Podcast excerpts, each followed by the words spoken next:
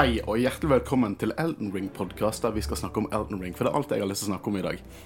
Jeg skal ikke gjøre Ja, det. nei, Men jeg har tilbringt 130 timer Jeg skal ikke spørre. Jeg har det. 130 timer i det nydelige, sånn generasjonsendrende spillet som er Elden Ring.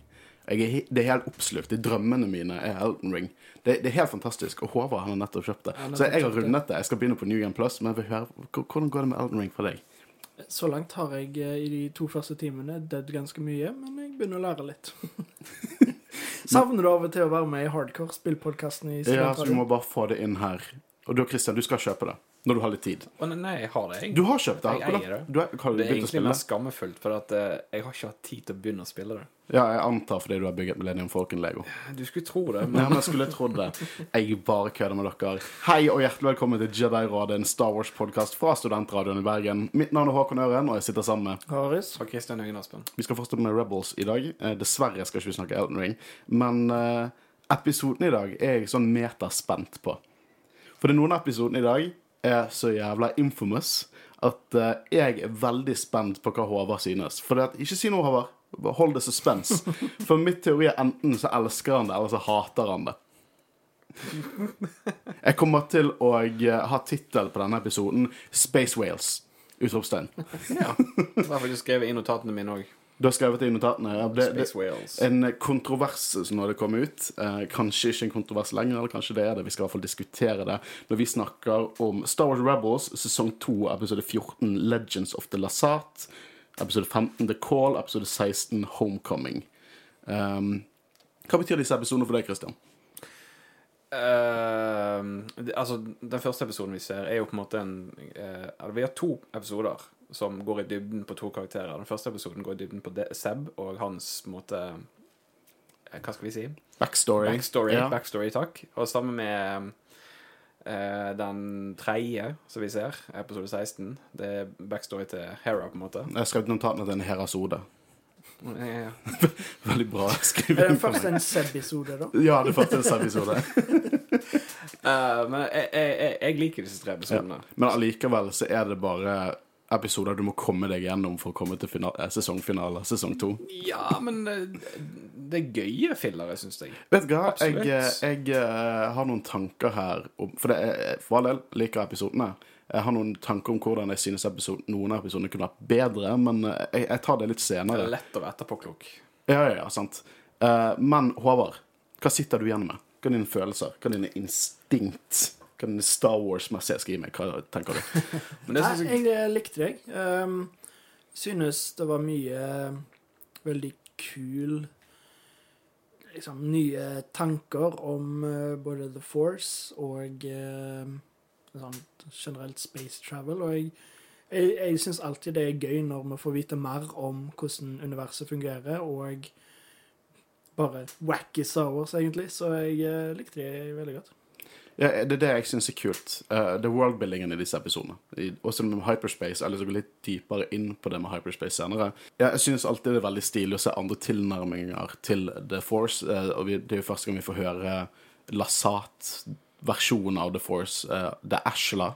Uh, og De kom jo litt sånn innom det i Rogue One, for eksempel, og det elementet jeg synes er veldig kult med Rogue One, som åpner opp liksom mainstream Star Wars-universet ganske mye, med å vise liksom nesten sånn pilegrimer og alle eh, på en måte har sin religion har på en måte grunnmuren er The Force, men de kaller det noe annet. For, for vi vet for eksempel for Wookies så er The Force noe helt annet enn en for liksom alminnelige Coruscant Jediene. Kjært barn har mange navn. Ja, sant? Jeg liker òg at det har forskjellige bruksområder òg. At eh, du har jo magic til uh, Night Sisters, er det det heter. Ja. Du skrev et feil fordi Josh Lucas er edgy. Men det som det som er litt artig òg, er at uh, Ashla var på en måte i tidligere utdrag for Star Wars, holdt jeg på å si, Uh, A New Hope. Uh, eh, så var jo Ashla noe han eh, baserte som den lyse siden av kraften. Oh, ja, kult. Eh, og eh, i samme utdrag så kalte han den mørke siden av kraften for Bogan. Bogan. Hvordan han uttaler det, det aner jeg ikke. Ja, for det har vi, det har vi diskutert litt før, i hvert fall denne Bogan. Eh, for det, ja, Bogan Jeg lurer på om det var en måne i Legends på, på Tython, eh, der på en måte Jedien oppsto for 20 25 000 år før eh, filmene. i Det er Legends. Det er fullt mulig. Det heter Jedi.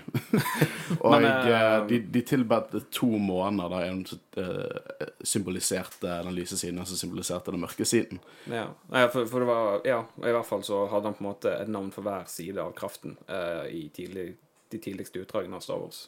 Ja, det, det er utrolig stilig, og jeg liker hvordan Leg nei, eh, Rebels er utrolig flink til å trekke inn sånne ting fra Legends. Og det setter jeg så veldig pris på. Eh, og jeg syns det er utrolig stilig. Uh, men Håvard, det, grunnen til at vi er her i dag, er jo å snakke om sosiale medier. Og da vet dere hva dere skal gjøre. Dere må følge oss på Instagram, Facebook og Twitter. Dere vet hva dere kan gjøre der. Dere kan snakke med oss. Og så selvfølgelig poste med ting og sånn òg. Så det unnskyld, vi har ikke vært så aktive på sosiale medier i det siste, men eh, det, det, hver- hverdagen, sant Det er dårlig av deg, Håkon. Jeg vet det er dårlig av meg. Det burde ikke vært mitt ansvar, Christian. Men eh, det, vi, vi, vi skal skjerpe oss der. Vi publiserer nå hver uke, og vi, vi setter pris på å snakke med dere. Eh, og hvis dere har veldig lyst, gå inn på Spotify og gi oss en rating. Fem av fem. Vi, skal prøve, vi har lyst til å nå 200 ratings i løpet av 2022. Noen som sjekket det i det siste? Vi, har fortsatt, vi er fortsatt på 116. Ja. ikke er gale. Ikke er gale i det hele tatt. Men vi skal hoppe inn i og dypdykke i litt Rebels og Star Wars law, når vi diskuterer sesong 2, episode 14 Legends of the Lasat, episode 15 The Call, episode 16 Homecoming.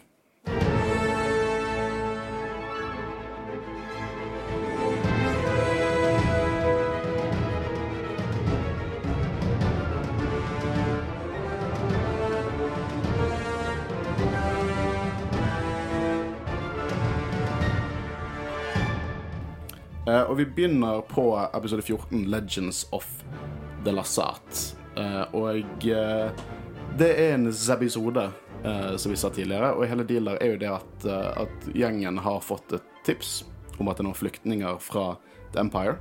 Uh, Ezra er litt sånn skeptisk med å si hvem som er kontakten uh, her. Hadde, hadde jeg òg vært. Det hadde jeg også vært.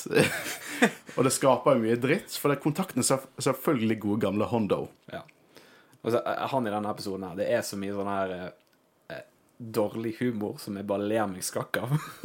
Jeg elsker når han prøver å snakke seg inn til liksom, når han blir tatt av Imperials, og så bare snur han seg til en Stormtrooper og så sånn What's your name?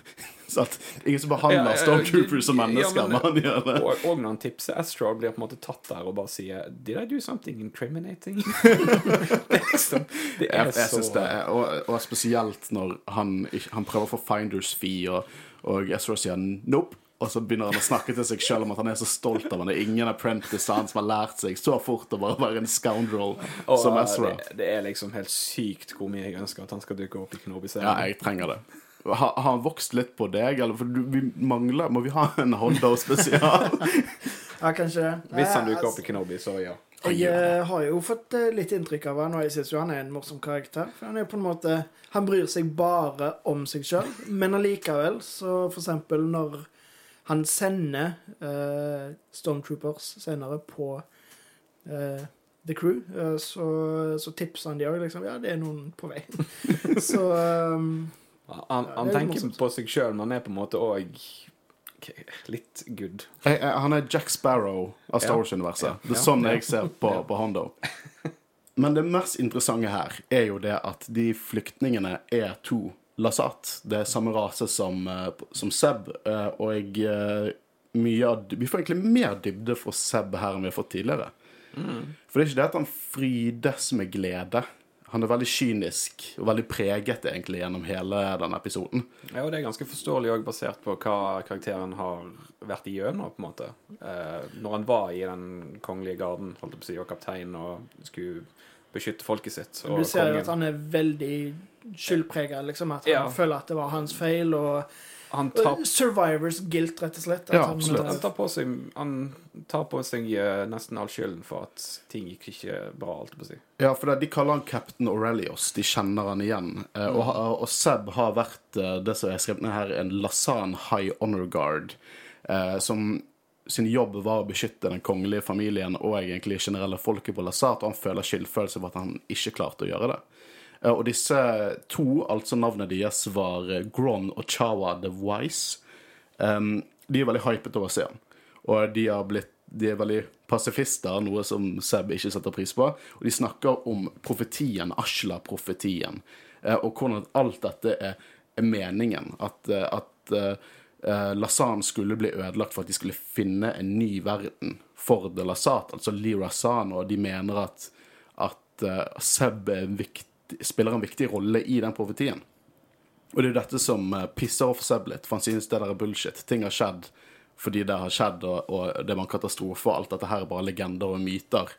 Eh, folkets opium, eh, hvis du vil.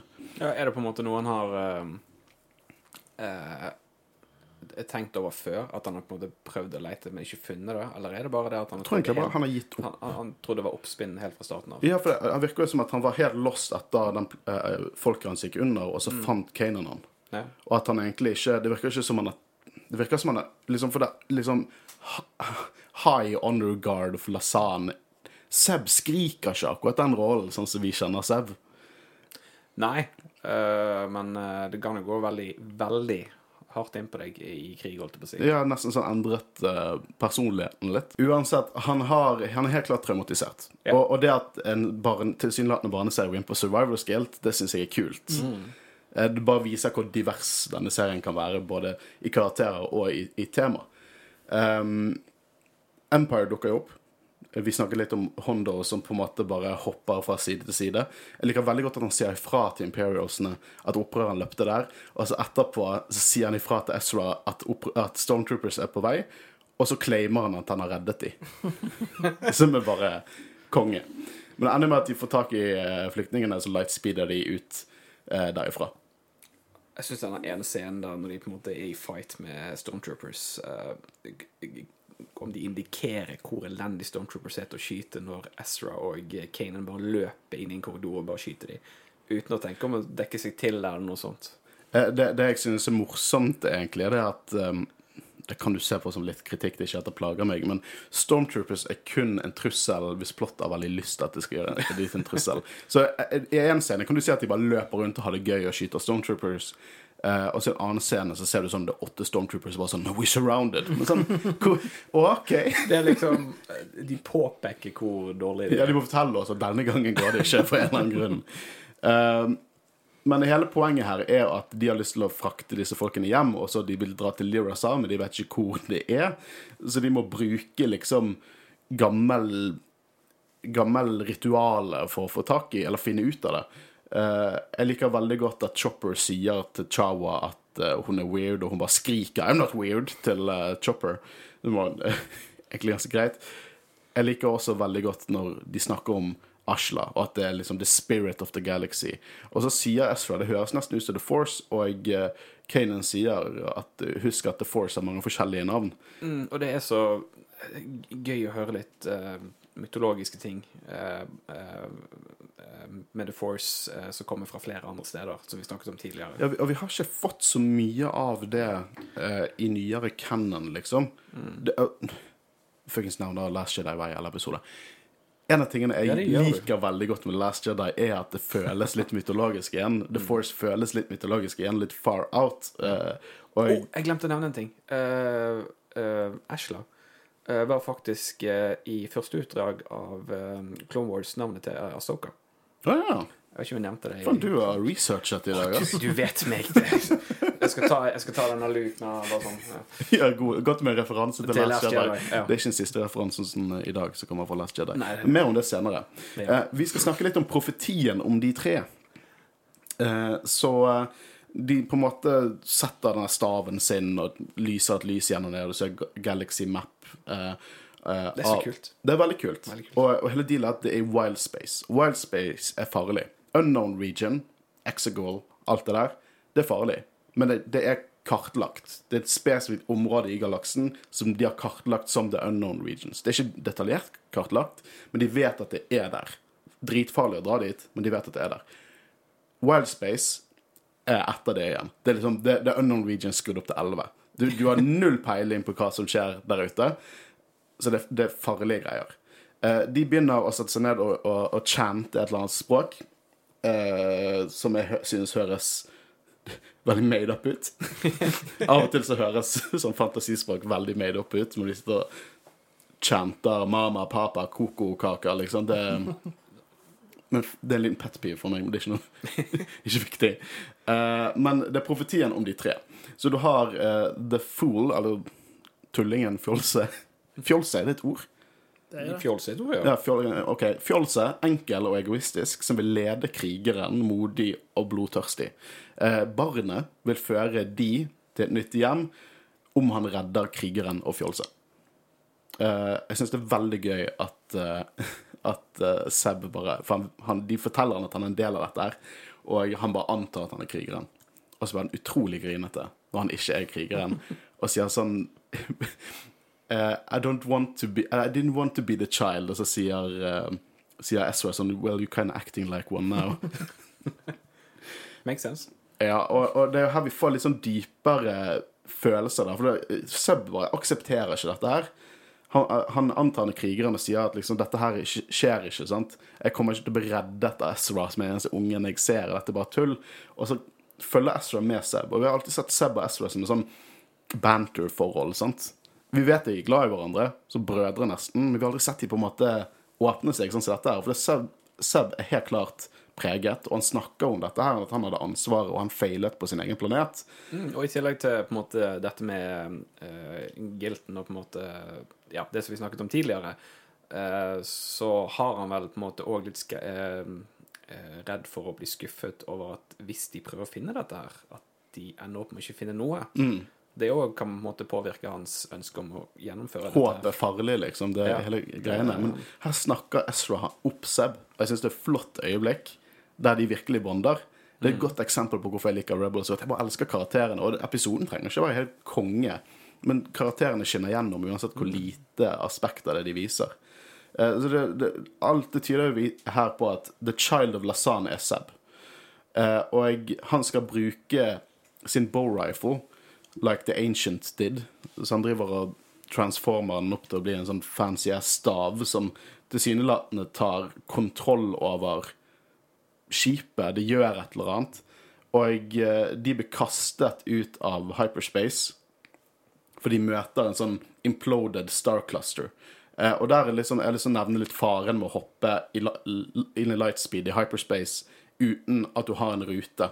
Det er veldig mange som tenker på eh, hyperspace som igjen en sånn, Dette er en grunn til hvorfor man ikke kunne i Last Jedi bare hoppe forbi den, de skipene, for det er ikke sånn det fungerer.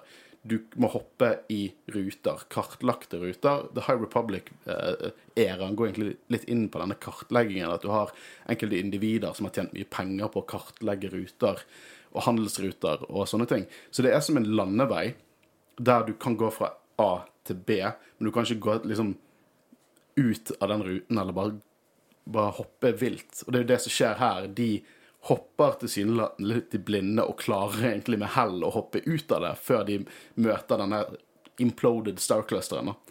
Eh, Men det kuleste her musikken. Og det visuelle. Det ser eh, utrolig kult ut med det der sånn svarte hull og masse sånne portaler omtrent. Og eh, eh, Å, jeg har så lyst til å se det i live action en gang. Det Ja, jeg, jeg syns det, kjempestilig. jeg syns det er helt sinnssykt kult. Og jeg syns musikken er bare Musikken og bildet liksom er bare Det skaper en sånn mystisk stemning som jeg bare virkelig viber med. Jeg føler ikke vi har hatt en sånn feeling i, i Rebels før. Uh, og jeg, eh, det, virk, det, det er da jeg på en måte setter utrolig pris Det er Kevin Kiner han heter, han som lager musikken. Jeg setter utrolig mye pris på hans verk da. Fordi når, når på en måte Når han beveger seg litt sånn utenom det som er klassisk Star Wars Det er jo awesome, det òg. Men han på en måte gjør noe sånn originalt der Det føles som Star Wars, bare føles som magisk Star Wars. Jeg syns det er dritfett. Um, nå kom, eh, Callis er jo etter de, med hjelp fra Hondo. For det er Hondo blir tatt, og de tracker transmitteren. Eh, og eh, vi skjønner jo ganske fort at Callis er krigeren, Hondo er fjolse som på en måte leder krigeren, og så Ja. Så det blir en chase, da, men det, viser seg at det er umulig å nærme seg den Star-clusteren. Tie Fighters bare går fordufter ganske brutalt, for det er så mye gravity der inne. Så det eh, Seb gjør, er at han bruker denne bowstaffen sin til rett og slett bare autopilote. Magisk shit, liksom. Autopilote skipet trygt gjennom Star-clusteren. Jeg må tolke det som at det er grunnen til at at han redder de og viser at de ikke kan føle etter ham, for hadde han de dødd.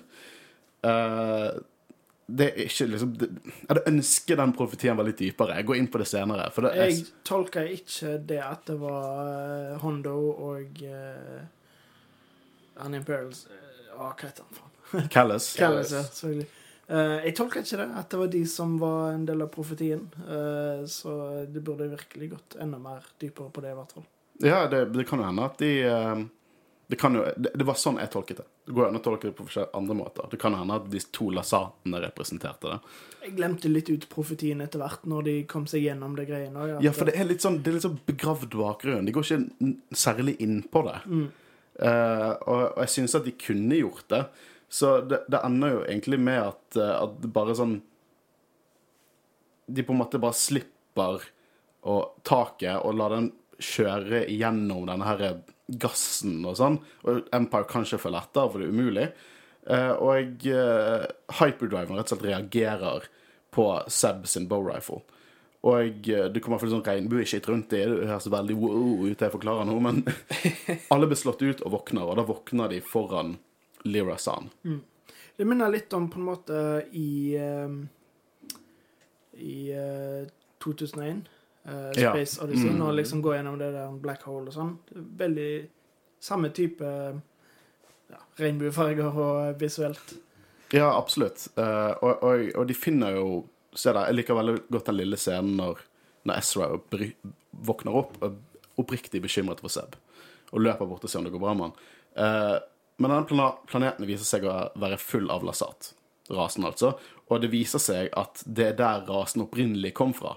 Og det skaper utrolig mye komplikasjoner. Sånn genetisk sett. Det er noe som heter geografisk populasjonsøkning, folkens. Hvis ikke lasatrasen er noen som bare ikke utvikler seg, snakker de samme språket. Er de, er, de, er de samme rase? Er det sånn at vi skal finne en planet med fullt av Homo erectus? Og så bare Det er der menneskene kom fra. Nå skal vi henge med disse apemennene, liksom. Jeg, sy- eh, jeg vet ikke om det var budsjettsgrunner eller om det er andre grunner, men eh, jeg håpet jo litt på på en måte Få se det, liksom. Ja, få se det. Eller om de kunne på en måte gjort dette til en, en dobbeltepisode, for all del. Eh, sånn at vi òg kunne gått litt mer i dybden på eh, eh, det dere sa. Ja, men det, det er det som er kritikken min her. Eh, Vi har veldig ofte gått gjennom Rebels, nei, Clone Wars-episoder, og så har vi tenkt sånn Dette hadde ikke trengt å være fire episoder. Dette hadde ikke trengt å være tre episoder. Nei, Dette skulle vi- vært to eller tre episoder. Ja, det er akkurat det. Noen kunne vært kortere, Skulle- noen kunne vært lengre. Vi skulle reddet uh, de to flyktningene i begynnelsen. Vi skulle fått uh, profetien på slutten der, sånn at vi kunne spekulere litt. Spankulere, spektisere. Og så heller gått gjennom det, så heller besøkt planeten. Mm. Dette føles som det var rushet. Ja. Og jeg, sy jeg, ville se, jeg ville se mer. Jeg vil, jeg vil, vil se mer av, av dette. her. Så det, det eneste gangen jeg har kommet med den kritikken til animasjon Star Wars, at jeg vil se mer av det. Jeg, liksom, det, det, er, det går for fort. Det er ikke dybden. Det er liksom ikke nødvendigvis på profetien og alt det tekniske der, men også sånn karaktermessig. Jeg vil se jeg vil se Seb på en måte streve litt mer, istedenfor bare være helt imot det. Og så kommer Ezra og sier nei, det går bra. Og så sånn, OK, det går bra, og så er de ferdig. Uh, men jeg liker det vi ser, selv om det, det er kort. Det er 20 minutter, mye innhold i 20 minutter. Eh, og det viser seg at nå har Ghost tracket ruten. Så nå kan de hjelpe flere Lasat å komme seg dit i fremtiden. Men Seb uh, tar og, og joiner Ghost Crew, og heller vil finne flere Lasat og bare veilede de hjem. Mm. Jeg syns jo egentlig det fungerer litt òg, den måten du på en måte bare kutter, og så ser, venter de på Seb, og så, så liksom Ja, han forklarer hva som skjedde, og så drar de. Jeg føler at det, det fungerer. Jeg skulle gjerne òg sett, som du sa, litt sånn litt mer av det og sånn, men sånn som de gjorde det, syns jeg òg fungerer greit. Ja. Nei, det liksom Når de først gjør det sånn, så synes jeg det var, det var stilig kuttet og litt sånn. Jeg fikk følelsen at tid hadde gått. Uh, men eh, jeg skulle gjerne sett hvordan det var der. Det er jo et veldig Ja, altså, magisk jeg, sted. jeg, jeg, jeg, eh, liker episoden, men eh, det er potensialet for å utvide den. Ja, absolutt. Eh, Jeg vet ikke om det er så mye mer å si der. Jeg vil hoppe inn i jeg tror den som på en måte er mest weird. Etter en allerede weird episode så har vi episode 15, The Call. Og jeg Eller Det var det han het. Jeg tror han het Spaceballs. ja, det kan godt hende. Men uh, problemet der er at det første de sier her, er at de trenger status på drivstoff, Christian. Det er lenge siden vi har tatt denne vitsen her. Jeg regnet ikke med at han kom helt i starten, helt ærlig. Men uh, ja. Uh, Det er en hel episode dedikert til drivstoff. jeg skulle egentlig laget det. Jeg skjønner ikke egentlig hvorfor Når jeg først traff deg Det var det argumentet jeg slo først fast til deg.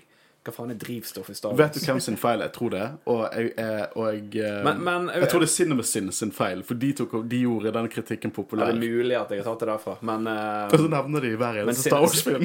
Men ja, det er faktisk sant. Uh, I tillegg til uh, Nå som vi hører Rebels og uh, Clone Wars-serien, så ja, nei, drivstoff Jeg lurer på Det er kommet for å bli i Star Wars-universet. det, det kunne faktisk vært en veldig fin Robert Chicken-sketsj. For jeg husker jo når Darth Vader, når Death Star ble sprengt til filler, så spør, sa han jo til Vader Så sa han jo til Vader Do you know how much this thing costs? Så jeg lurer på av og til om, om han får drivstofftreninger. ja, det er, det er jo veldig dyrt. Vi har jo funnet ut at i, i, i, i Solo hvor jævlig dyrt drivstoff kan være. For Ja. spesialdrivstoff. Eh, og de, eh, de skal finne det i et raffineri i nærheten av der de er nå. For det er Rebels Crew de er nesten tom for drivstoff. Eh, og de skal finne et raffineri som miner da Clauson 36-versjonen. Det er ikke bare ett type drivstoff, Christian. Det er mange forskjellige. Ja, ja, ja, Som for å quote Jon Almås Vi legger han død. Vi legger legge død Så Ezra hører noe, og ingen tror på han. Må vi gå gjennom dette shitet hver jævla gang? Når Ezra hører noe, og, ingen, og dere andre hører ikke noe, så er det noe der. Må vi gå gjennom denne jævla karusellen hver jævla gang at ingen tror på Ezra? Han er ung. Han er ung. og vi får se Space Whales. Den store kontroversen fra tidlig Rebels. Space Whales. Hvaler som flyr i verdensrommet. Hvordan er det kontroversielt? Det Ja, er jo, det ønsker du hatet det litt. det er jo så stilig konsept at hva- det bare er beings som flyr rundt i verdensrommet og alt mulig sånn. Men hva var jeg holdt på å si, Hvor lå kritikken sånn Det er hvaler i verdensrommet. Hvordan kan de leve i verdensrommet? Hvordan kan spacelugs leve i verdensrommet fra Empire Strikes Back? Det, det, vi har jo hatt vesen som lever i the vacuum of space. Hvordan kan det der svære monsteret i Solo leve i space? Nei, det, vi, har, vi har hatt det siden 80-tallet, har det, det konseptet vært i Star Wars. Eh, og jeg, jeg vet ikke om det bare ligner for mye på hvaler, eller hva som var dealen. Eh, og det er jo noe de gjør på slutten av episoden som eh, kan føles veldig kontroversielt ut, for de gjør noe som jeg tror veldig mange tenker på som en veldig teknisk og mekanisk ting. Jeg skal gå innom, inn på det og fortelle hvorfor det ikke er en teknisk og mekanisk ting. Uh, men ja, jeg uh, Når det først kom ut, så var det sånn Hæ?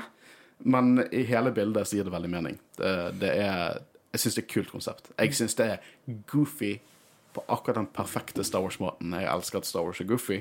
Uh, så Mm, gjør det mer jeg mytologisk også. Ja, det er jeg syns det er med de Spaceballs når vi kommer senere inn i episoden, når de på en måte er med den miningstasjonen Jeg syns det er kule effekter òg. Ja, jeg, må bare understreke at de heter Pergils, Men vi kommer mest sannsynligvis ikke til å si Ja, det men ordet en gang til. Hvis du ser episoden, så burde det egentlig stikke ganske, for Hera hater tydeligvis Pergils. Ja, og det syns jeg er interessant. Sant? For de, ganske, de, de på en måte krasjer litt til The Ghost. De finner ut at de må fly med dem. Eh, men Hera har masse problemer med dem, Fordi at eh, disse Space Whales har en tendens til å fly inn i stjerneskip og sprenge de. Og tilsynelatende har jo hun mistet venner på den måten. Så hun har stort problem med at egentlig crewet ikke bare sånn dreper disse tilsynelatende fredfulle skapningene. Uh, så Ezra- er, ja, for det er Ezra, på en måte. Han eh, forsvarer det jo på mange måter. Og det er, føler jeg er òg et stort budskap i denne episoden her, uh, når han sier det at ja, de gjør kanskje det, men de gjør det ikke med vilje. De bare, De bare gjør. de bare gjør. Ja. De gjør som de gjør, på en måte. Det, på Disney Pluss så er det jo eh, De har lagd noen sånne små videoer med noe som ser ut som dronefoto fra forskjellige Star Wars-planeter og litt sånn. Og det er jo på en måte basert på canon, men ikke på en måte en del av hovedcanon i Star Wars, liksom. Det hadde vært så kult hvis det hadde blitt lagt en, en serie eller en en sånn film med bare Ikke akkurat en parodi på, men en etterligning av Planet Earth. Med bare liksom masse forskjellige dyr og romvesener og, med, som ikke er sentient med, sånn. med Attenborough. Selvfølgelig. Med Attenborough. uh, jeg ville hatt uh, Jeg ville heller hatt Palpatine. Jeg ville hatt eh, eh, Men eh, jeg De, de har jo det Star Wars Biomes, da, som er litt interessant. Så bare har liksom, kamera på tilsynelatende på en planet. Ja, det var det jeg snakket om. Det som er veldig stilig. Eh, Men um, de tar og eh, følger med dem fordi at eh, de, de senser at de skal riktig se. Ezra har jo et- dette connection med dyr. Eh, og vi får se The Mining Guild, eh, og det er utrolig stilig å se Tie Fighters som ikke er Imperial. Eh, veldig stilig med sånn oransje-gul paintjob, og de mangler litt av vingene sine. Men er det noe de for da har stjålet fra The Empire, eller er det går det an å bare kjøpe en modell av Tie Fighters? som- Ja, det jeg, Faen, jeg skulle trodd du hadde lest notatene mine. Fordi at uh, det er tross alt et selskap som produserer Tie Fighters, altså Sierra Fleet Systems. Og hvis du lurte, så koster den modellen nøyaktig 40 000 credits. Så hvis du har uh, ca. sånn 400 000 eh, norske kroner, så kan du få din helt egen Tie Fighter. Alt jeg har undersøkt på uh, og forum og sånn, er at én credit tilsvarer ca. én US dollar. Så, så der, der har du det. Der har du prisen på en Mining Guild Tie Fighter. Um, jeg syns også det er veldig gøy med øyeblikkene med Hera og, og Kanan, fordi Hera ville skyte de hvalene. Og så sier Kanan liksom sånn Å, hvis vi hadde skutt disse hvalene, så hadde ikke vi Og så skrur Hera av radioen. Kommer tilbake. Som jeg sa, hvis vi hadde skutt disse hvalene, så hadde ikke vi kunnet forsvart oss mot Tie Fighterne. Bra vi hørte på Ezra. Og eh, hun er dritforbanna. Eh, jeg syns det er veldig gøy. Eh, og de kommer til raffineriet. Og det er en hel planetoid, Christian. Bare full av drivstoff. Tenk så mye drivstoff som er i den planetoiden. Sikkert masse. Would you look at that? Ja. Eh, og jeg, jeg liker hvordan de faktisk bruker space litt realistisk. Så de har lite drivstoff, så de tar seg inn i en boost, sånn at de kan bare sveve bort en liten asteroide. En av få ganger der eh, Star Wars faktisk uh, halvveis hedrer liksom reglene til verdensrommet. Uh, og de, skal, de finner allerede klargjort forsyninger som skal til The Empire, tydeligvis. Og vi vet jo at å bruke uraffinert eh, eh, drivstoff, det lar seg ikke gjøre. Det er en hel film om det. heter Solo Soul Story. Så de har lyst til å ta de ut. Og de er at de har lyst til å Det er masse uraffinert drivstoff under denne liksom platået. da. Så til, Sabine og de vil egentlig slippe granater nedi her og bare brenne opp eh, hele plattingen, sånn at de kan lande Ghost der. Uh, men det viser seg at Space Whales de liker drivstoffet.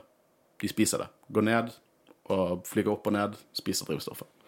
Så vi får en utrolig kul scene egentlig der de, de tar en sånn Master Chief-jump og bare hopper ned i space, på en måte. Uh, ned på denne platningen. Jeg liker veldig godt Kanan sin nye hjelm med Lothcat-symbolet på en Stormtrooper-hjelm. Han hater det, men jeg skulle gjerne hatt den på hyllen. Jeg syns det ser dritfett ut, som Sabine har malt. da.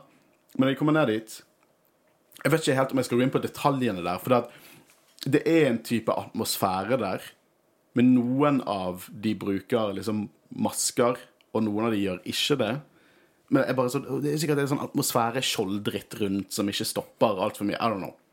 Sånne detaljer bryr jeg meg egentlig ikke om, men de sitter fast i hodet mitt, så jeg føler jeg må nevne det. Men det var var vel forskjellige raser òg, så det er vel kanskje forskjellig på en måte at noen tåler mer enn andre. At, Det er også en veldig fin måte å forklare det på, uh, som, uh, som er min headcanon nå. Men de hopper ned dit, og Ezra tar egentlig styringen. Han sier at vi kan ikke sprenge de. Det Space Whales trenger det. Vi må gjøre dette på en mer tradisjonell måte. Jeg liker veldig godt at Kanan ikke skjønner hva Ezra holder på med, og at tilsynelatende roter til oppdraget litt, men han snur seg, og så sier han at han stoler på instinktene hans. Et Utrolig flott øyeblikk. Og så bare går de med Ezra sin plan. Eh, det er ikke det er mye action. De lander pang-pang. Eh, jeg har ikke så mye å si på det. Det viktigste er for meg, hvis ikke dere har noe å si på, på action her. Nei. Nei. Eh, men de hopp, eh, Ezra faller. Eh, en annen sånn, For de tar over på en måte en sånn stasjonær blaster. Det ser ut som en E-web. Man skyter gylne blasts. Og faller, da. Og han blir reddet av en Purgo, som også bonder litt med han. Så han får hjelmen sin tilbake, og han lander ned i drivstoff, uraffinerte drivstoffet. Skikkelig stilig når han ser inn i øyet på uh, Spacehvalen, og liksom bare omtrent en transe, eller at han ser syner. Ja, jeg, jeg tolket det nesten som han så liksom hyperspace inni øynene til Space Whale. Ja. Som utrolig stilig og igjen veldig mytologisk, som blir dagens Jedi-råde-ord.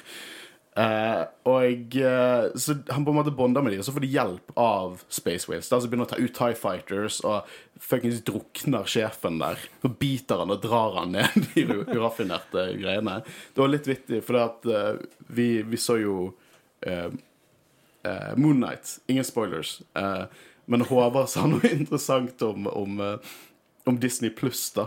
Ja, fordi de har allerede gått tilbake og sensurert Falcon and the Winter Soldier og fjerna vold. Altså, et spesifikt tidspunkt er når Bucky tar og kaster et jernrør inn i skulderen på en, og det har de fjerna sånn at det bare sier boink og detter ned.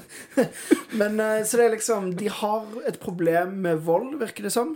Moonnight skal visstnok være litt tam sammenligna med f.eks. Daredevil-volden. Jeg syns ikke han var tam i det hele tatt. Nei, ikke første episode i hvert fall. Men uh, Så det er liksom det at live action, da er det sånn Nei, ja, litt vold, men ikke så mye. Men her er det liksom bare hval som spiser en fyr og drukner han i gass. Ja, det, jeg syns det er rart. For det er sånn, de tør på en måte ikke gjøre det med, med live action, men med animasjon går det fint. Er det noen syke scener som er i Clone Wars, egentlig. Sånn Soka som kutter av ho... Nei, her er det Savage Press kutter hodene til samtlige av lederskapen til Black Sun. Og så bare ser du så flere hodeløse kropper med røyk ut av hodene som bare sånn faller ned som ragdolls. Kunne dere sett for dere at vi hadde sett den scenen i The Mandalorian? Det hadde ikke skjedd. Det nærmeste vi har fått, er når han kutter han fyren i to i, i uh, episode fem av Book of Bobafett. Der vi alle var sånn wow, det er shit. Jeg tror de er mer forsiktige i live action. Ja, jeg skjønner egentlig ikke hvorfor det. det Så men, så seriøst, sånn, Falcon and the Winter Soldier Ja, alle kan se MCU, men hvor mange, hvor mange tiåringer setter pris på Falcon and the Winter Soldier?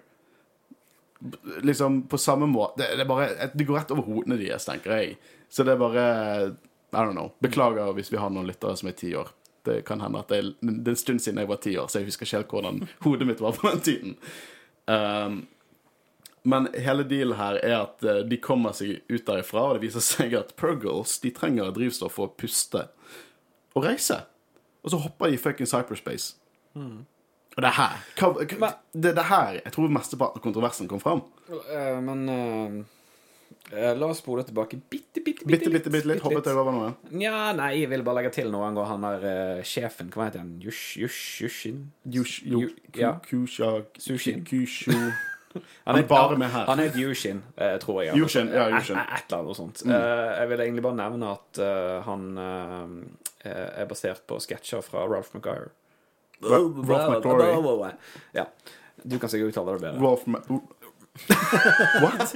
Ra Ralph McQuarrie. Ja, det har du. Jesus. Ja. En sånn dag i dag. Anyway, eh, eh, var blant sketsjene til eh, Bounty Hunters The Empire Strikes Back. No. Um, didn't make the final cut, though. But he did now. I- eh, yes, men faktisk så var dette designet eh, som var, var basert på den sketsjen, skulle egentlig dukke opp i de uferdige episodene av Clone Wars. Og det gjorde de. For det, den rasen dukker jo opp i Ja, men denne, akkurat denne karakteren Akkurat denne karakteren. Ja, Ja. for det dukker opp en i samme rase um, i uh, lignende Men akkurat denne karakteren skal dukke opp i en uferdig episode. Ja, ok. Så Så nå har de bare dypere tatt eh, karakter enn den, vi tenkte han skulle være. da. eh, Nå har de bare tatt det designet de baserte den sketsjen på, og tatt de med her istedenfor. Ja. Men det er kult. Jeg liker når de gjør det. Uh, men hyperspace-hvaler Jeg vil høre tanker. Eh, Jeg kan jo så lite om hyperspace, så jeg eh, kjøper det. At eh, det er noe eh, mystisk med det. At det ikke bare er mekanikk. Og dessuten så sier jo Hera tidligere i episoden at eh, ja Det går rykter sånn, Gamle folk sier at de var viktige i oppdagelsen av hyperspace. Mm. Så jeg har absolutt ingenting imot det. Jeg syns det er et kjempestilig konsept. Og litt det Jeg antar det er litt det du kommer til å gå innom eh, senere, men vi har jo nevnt det før, at hyperspace på en måte er en slags annen dimensjon. Mm. Eh, så jeg syns det er veldig som, som sagt, jeg liker når Star Wars er veldig wacky. Ja, ja, men det, det, er, det er nettopp det du sier.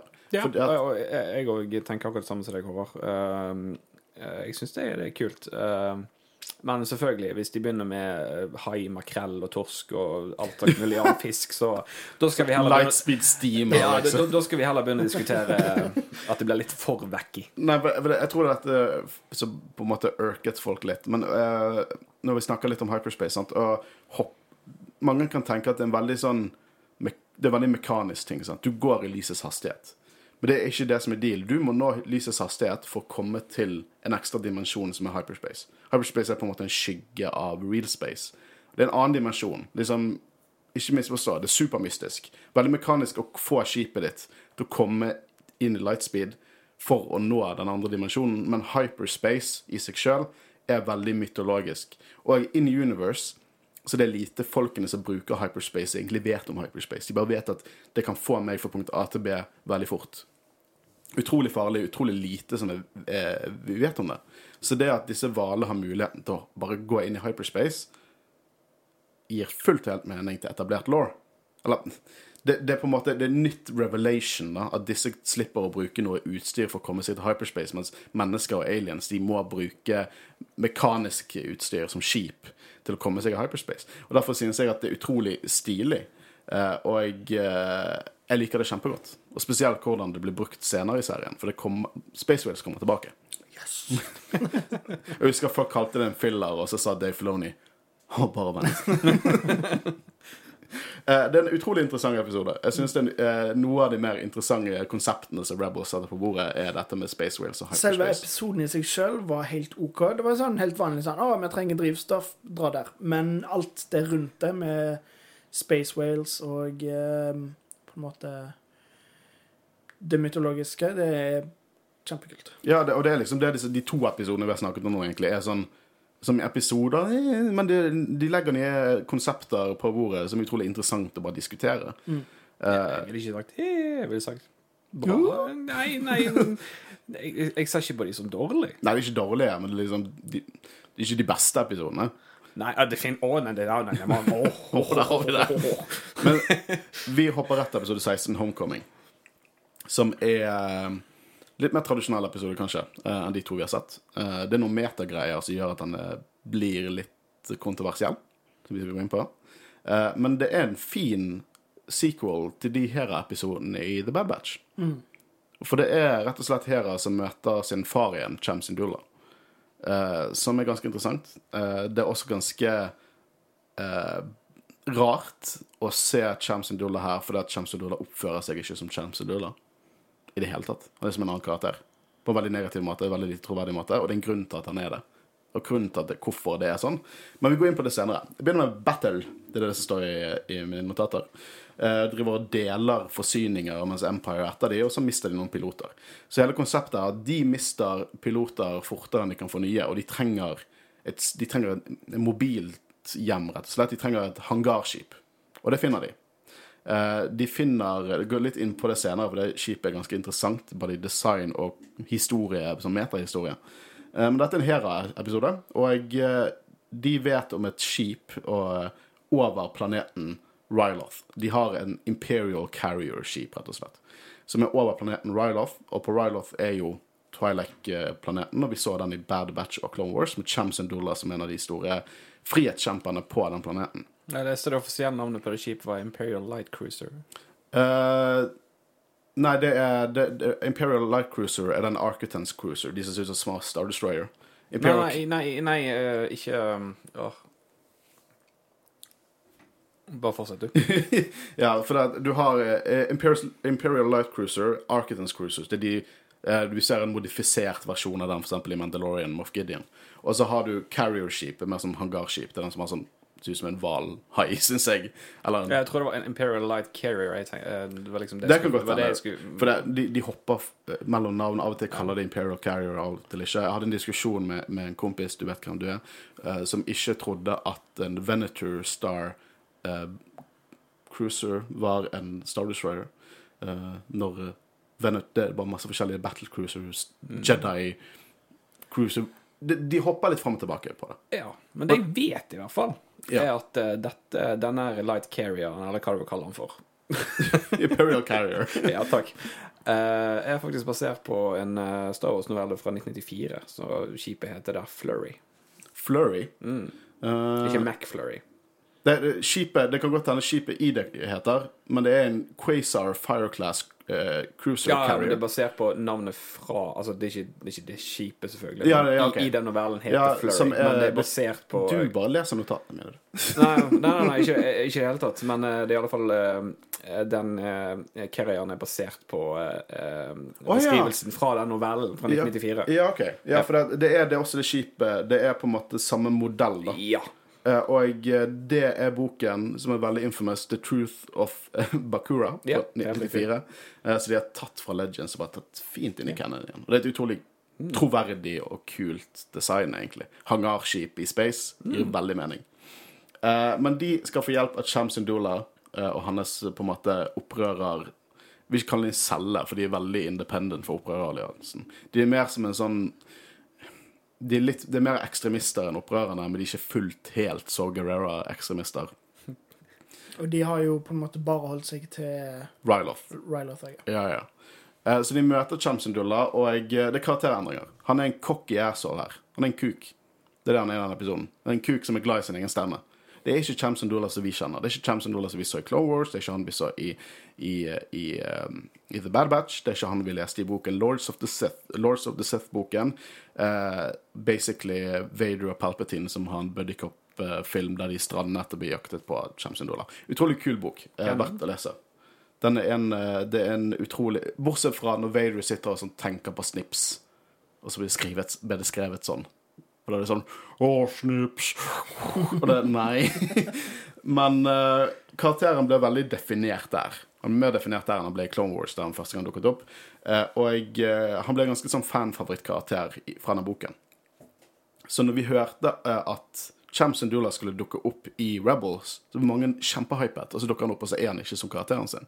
Grunnen til det er at selv om den boken kom ut før Rebels, så ble denne episoden produsert før boken ble produsert. Så denne episoden i produksjonen er egentlig kronologisk satt før, så de visste ikke helt at karakteren kom til å bli redefinert så mye i den boken.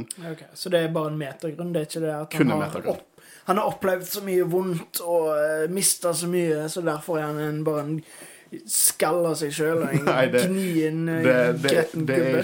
det er ikke det.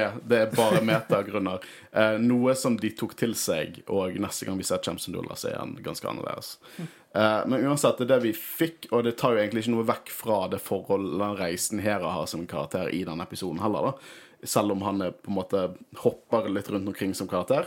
Eh, så de skal møte han, noe som Hera er stresset over, men òg Kanan veldig stresset over. For han skal møte svigerfar.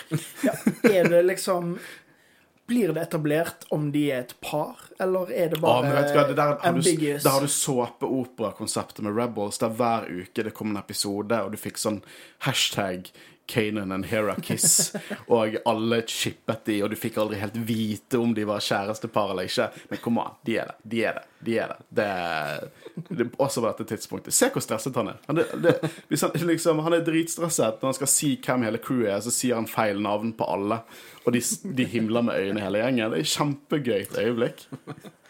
Og vi får møte Cham Dulla Gobi Glee. Eh, vi husker jo han fra Bad Batch. Der han var en mye mer eh, Han er mye mer under, uh, litt tilbaketrukken, mye mer under Cham Sindullah sin lidenskap enn han var i Bad Batch, der han var mer som Snakket ned til han og mente at eh, Cham burde gjøre mer for saken. At liksom The Empire er ikke good guys her. Det var han som uh, på en måte lurte Hera til å bli involvert Ja. i Bad Batch. Eh, veldig Også veldig annerledes enn det vi ser der, men der syns jeg det er litt kult å se på en måte hvor han har gått fra fra Bad Batch til hvor han er nå. Eh, og vi ser, får se Numa. Vi husker Numa. Ja, det er hun lille jenta i Clone Wars som eh, en eh, Som, uh, Som ble Wax av og en Boiler eh, reddet. Ja, riktig. Fra episoden 'Innocence of Ryloth'. Ja, ja. Det var første gang vi virkelig snakket om Ryloth på denne podkasten. Uh, jeg liker også at han har en del av en klonerustning eh, på seg, med navnet Boyle skrevet i Orabash. Som er koselig. utrolig koselig, og eh, de poengterer det ikke ut i det hele tatt. Det er sånn, hvis, du, hvis du virkelig bryr deg om storylinen, så finner du det ut, og det er en fin, liten referanse. Eh, og hele dealen her er jo det at Hera de vil bruke dette skipet, men Cham han vil ødelegge det. Som et symbol på at uh, innbyggerne i Ryloth kan slå The Empire. For det er over planeten. Ryloth, alle på Ryloth vil se det skipet sin ødeleggelse, og det driver og sender ned bombers og Tie Fighters i hytt og pine og har terrorisert den planeten i åredager. Men så kommer det vise ord, for hvis du tar ut um, et skip, så kan det være det kommer et nytt et med en gang. Jepp. Uh, og uh, hele dealen her er jo det at Hera de vet jo at hvis de ville tatt ut det skipet, så hadde de gjort det for lenge siden. Så de trenger de. De trenger hverandre, rett og slett. Så tilsynelatende skal de samle styrkene sine for å stjele skipet. Eh, og det er her vi får litt sånn Her er snakker om faren sin, da. At etter moren døde, så var Ryloth en frihet alt han tenkte på. Så han rett og slett sluttet å være en far for henne. Eh, og dette liker jo ikke Ezra i det hele tatt. Han sier det viktigste for han er familien sin, og da hinter han til Rebels Crew i dette tilfellet. Eh, jeg liker også hvordan Cham er misunnelig på Chopper. At man, sånn, Hvis du ikke brydde deg så mye om den der dårlige drøyten der, så kanskje du hadde kjempet med meg. Eh, og liker, han liker ikke Hera sin rolle i de nye opprøralliansen. Han er fullt og helt Ryloth er tingen, og kjempe for galaksen. Det lar seg ikke gjøre. Så Hera burde være på Ryloth og kjempe for Ryloth også. Jeg liker veldig godt skuespillet her til Hera. Hvordan den aksenten går mer over til Ryloth-aksent gradvis. Under, det begynner ikke helt på det gradvis når hun krangler med faren, og så når hun på en måte er bestemt samler seg på slutten, så høres hun ut som gode, gamle Hera. Og vi som er, nor er norske, eh, på en måte, eller snakker norsk, eller whatever, vi som vet hvordan dialekter fungerer i et land som Norge, der ting er veldig mye forskjellig, og det er daler og steder som på en måte har stoppet at det blir bare merget for mye. Eh, nå må jeg understreke at jeg er ikke språkekspert, men vi vet det at enkelte, eksempel, Jeg har en kusine, og hun er vokst opp med masse bergensere, og så er hun fra Asker. Hver gang hun snakker med noen fra Asker, så bare bytter hun om til å snakke mer eller, mer eller mindre østlandsdialekt, og eh, når hun snakker med bergensere, så snakker hun bergensk. Bare svart og hvitt. To veldig forskjellige dialekter. Det er veldig realistisk, syns jeg. Det, og, det, det, og, det, sier mye om liksom sinnstilstanden til eh, karakteren. Og eh, selvfølgelig i mange andre land så har det sånn også, men mange amerikanske podkastere de på en måte kritiserte det. De, liksom, de kritiserte det kjempemye, at det ga ingen mening. Og da er det sånn Bare research litt. Kom an. Det, jeg bare syns det er så givende at hun bare bytter om aksent. Jeg syns det er så realistisk. Mm, og det, de gjør jo ikke så mye ut av det heller. Det er bare en liten detalj som uh, understreker på en måte hvor det kommer fra. og alt mulig sånt. Jeg synes det er kjempestilig. Ja, helt fantastisk, uh, syns jeg. Uh, og uh, de uh, liker når Kanan på en måte driver og kysser ræven til Cham, og de snakker om Mace Windu, og de snakker om den les, energibroen til Lessu, hovedstaten, som vi som vi så i Clone Wars ble brukt. Uh, og uh, Cham rett og slett skryter av seg sjøl. Og sier at han kunne fortalt historier om seg sjøl hele dagen. Ikke en, akkurat en likbar karakter i denne episoden. Og Hera blir dritforbanna når Kanan ser på en måte faren i henne. Klarer å roe seg litt inn, da, med å, lederskap, evner, bla, bla, bla. Men um, det er interessant å få med seg de karakterøyeblikkene. Så hele planen uh, det er en tidsplan til The Empire, der bombene forlater skipet, og de skal lande inn på cruiseren og rett og slett bare ta den over. Uh, og de, har, de, gjør en sånn Mandalorian season 2-finale, der de får to A-wings til å fly inn og jakte på de i en stjålet bomber, og så elsker jeg når Kanan later som en Imperial, uh, som har en fin, liten touch. Uh, så de krasjer inn i hangarskipet, og der tar Cham sine folk og forræder dem. fordi de skal ødelegge skipet for det. Uh, som uh, synes jeg, jeg synes er litt psykopatisk. Det virker som han er fullt og villig til å drepe alle de opprørerne, bortsett fra Hera. Eh, som også får meg til å mislike hvordan karakteren blir vist der. Er sånn, her går han litt sånn So Guerrera uh, på de. Uh, det er mye fram og tilbake her. Jeg liker eh, at, at Sabine bruker Moustroid, tar ut Numa og Gobi. Men det ender jo egentlig med at på broen så på en måte tar vårt crew over, mens uh, Vårt crew. uh, mens Cham på en måte har disabled hyperdriven. Så nesten som han er mer villig å få dette til enn sin egen overlevelse. Det er sånn fanatisk ødelegge dette skipet. Hvis ikke han får ødelegge det, skal faen meg ingen ta det. Uh, og det er her de snakker ned faren, og, og, og Hera driver og sammenligner galaksen med Ryloth. og at eh, hvordan liksom det var under tidligere Imperial-dagene, og at nok er nok dette liksom De må jobbe sammen mot de forsterk Imperial-forsterkningene som kommer. En ting jeg også lyst til å snakke om, Ezra sitt første mindtrick. I really mean it. Som jeg syns er helt fantastisk. Uh, jeg har egentlig ikke så veldig mye å si på dette her, annet enn at uh, uh, de på en måte kommer De, de, kommer, til, de kommer overens, da. Liksom Faren ser mer betydningen i sin datter, og kanskje hun forstår han litt mer. Og de avslutter det hele med å sende en Tie Bomber med eksplosiver, ta ut den uh, Architans-cruiseren. Og det blir skipet som sprenger over Ryloth, som samler folket der. Han fikk eh, skipet sitt Ja. sprengt til Ja. slutt. Håper ikke det kommer et nytt skip, da. Det største spørsmålet jeg sitter igjen med denne episoden her, ser egentlig den Imperial Officer, den Head of uh, Charge, hva han gjør på? Men ja, men dekk ut øynene, liksom. Ser han hva som skjer? Det, det, det er det største spørsmålet jeg sitter igjen med etter denne episoden. Det er jo det at de hadde, var ganske limited budsjett på denne serien. Så når de fant ut at de lagde karakterer som de ikke ville sette for mye tid og penger i, så har de bare en caps som dekker til øynene. Det samme skjer med, med Rebels, men der har de hjelmer, så de gir litt mer mening, liksom. Men her er det capser langt ned. Jeg liker han står bak to andre som ser helt identiske til han, bare at de er grå uniformer istedenfor svart. Det er ting som stikker litt ut. Det stikker litt grann ut. Um, men uh, de får da tak i skipet, og det blir på en måte The Phoenix Nest. Så vi kommer til å se mer av i fremtidige episoder. Um, jeg liker at uh, Cham kaller datteren sin for Captain Sundula. Med, viser mye respekt. Uh, og så vil jeg si at jeg liker denne episoden, og jeg liker den betraktelig bedre etter jeg har sett Bad Batch-episoden. Så, så det, det blir mye Hva synes du, Håvard? Men uh, Håvard har ikke sett dette før, sant? Eh, så, Ja, absolutt. så hva synes du, Håvard? Spesielt med at du har sett Bad Batch kronologisk før du sa dette. Eh, Jeg tenkte jo over det at uh, Chem Sundula var annerledes. At han, men eh, da tenkte jo ikke jeg at Jeg visste ikke at det var noen sånn metagrunner, så jeg kjøpte det egentlig sammen ja, Altså, vi fikk vite at kona hans, moren til Hera, døde.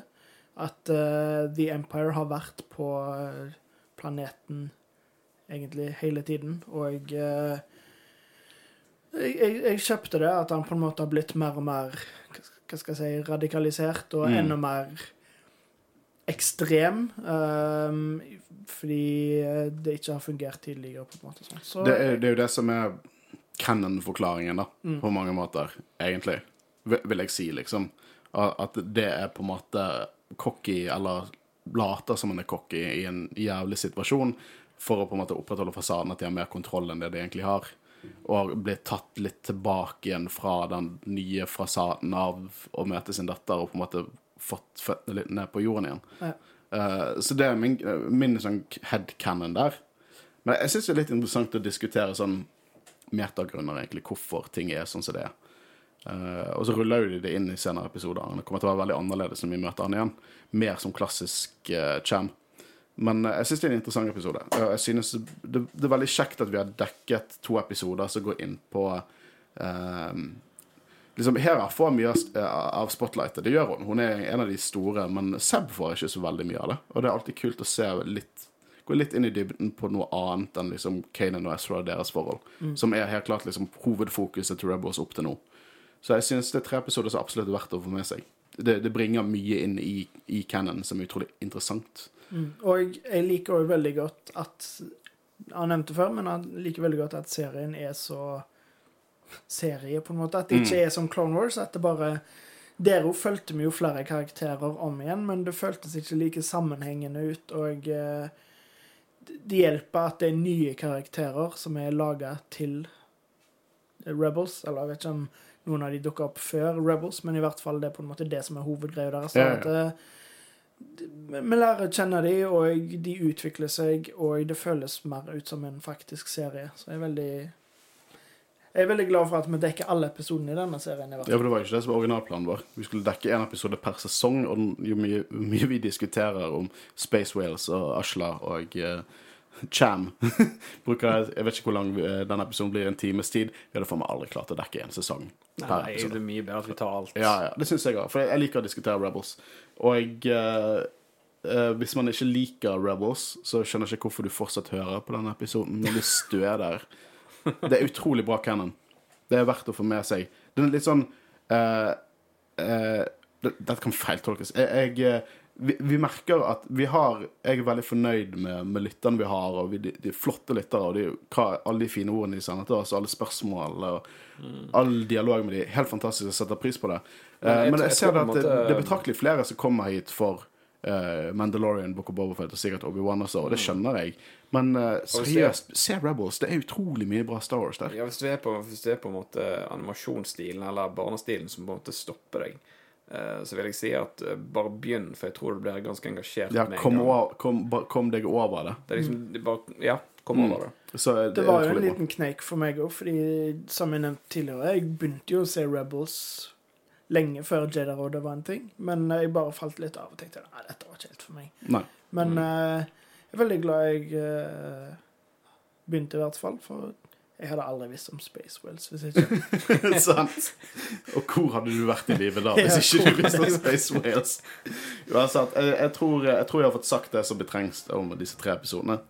Uh, mitt navn er Håkon Øren, og jeg har sittet sammen med Horus. Christian Høgen Aspen. Vi snakkes neste uke. Ha det bra. Ha det bra.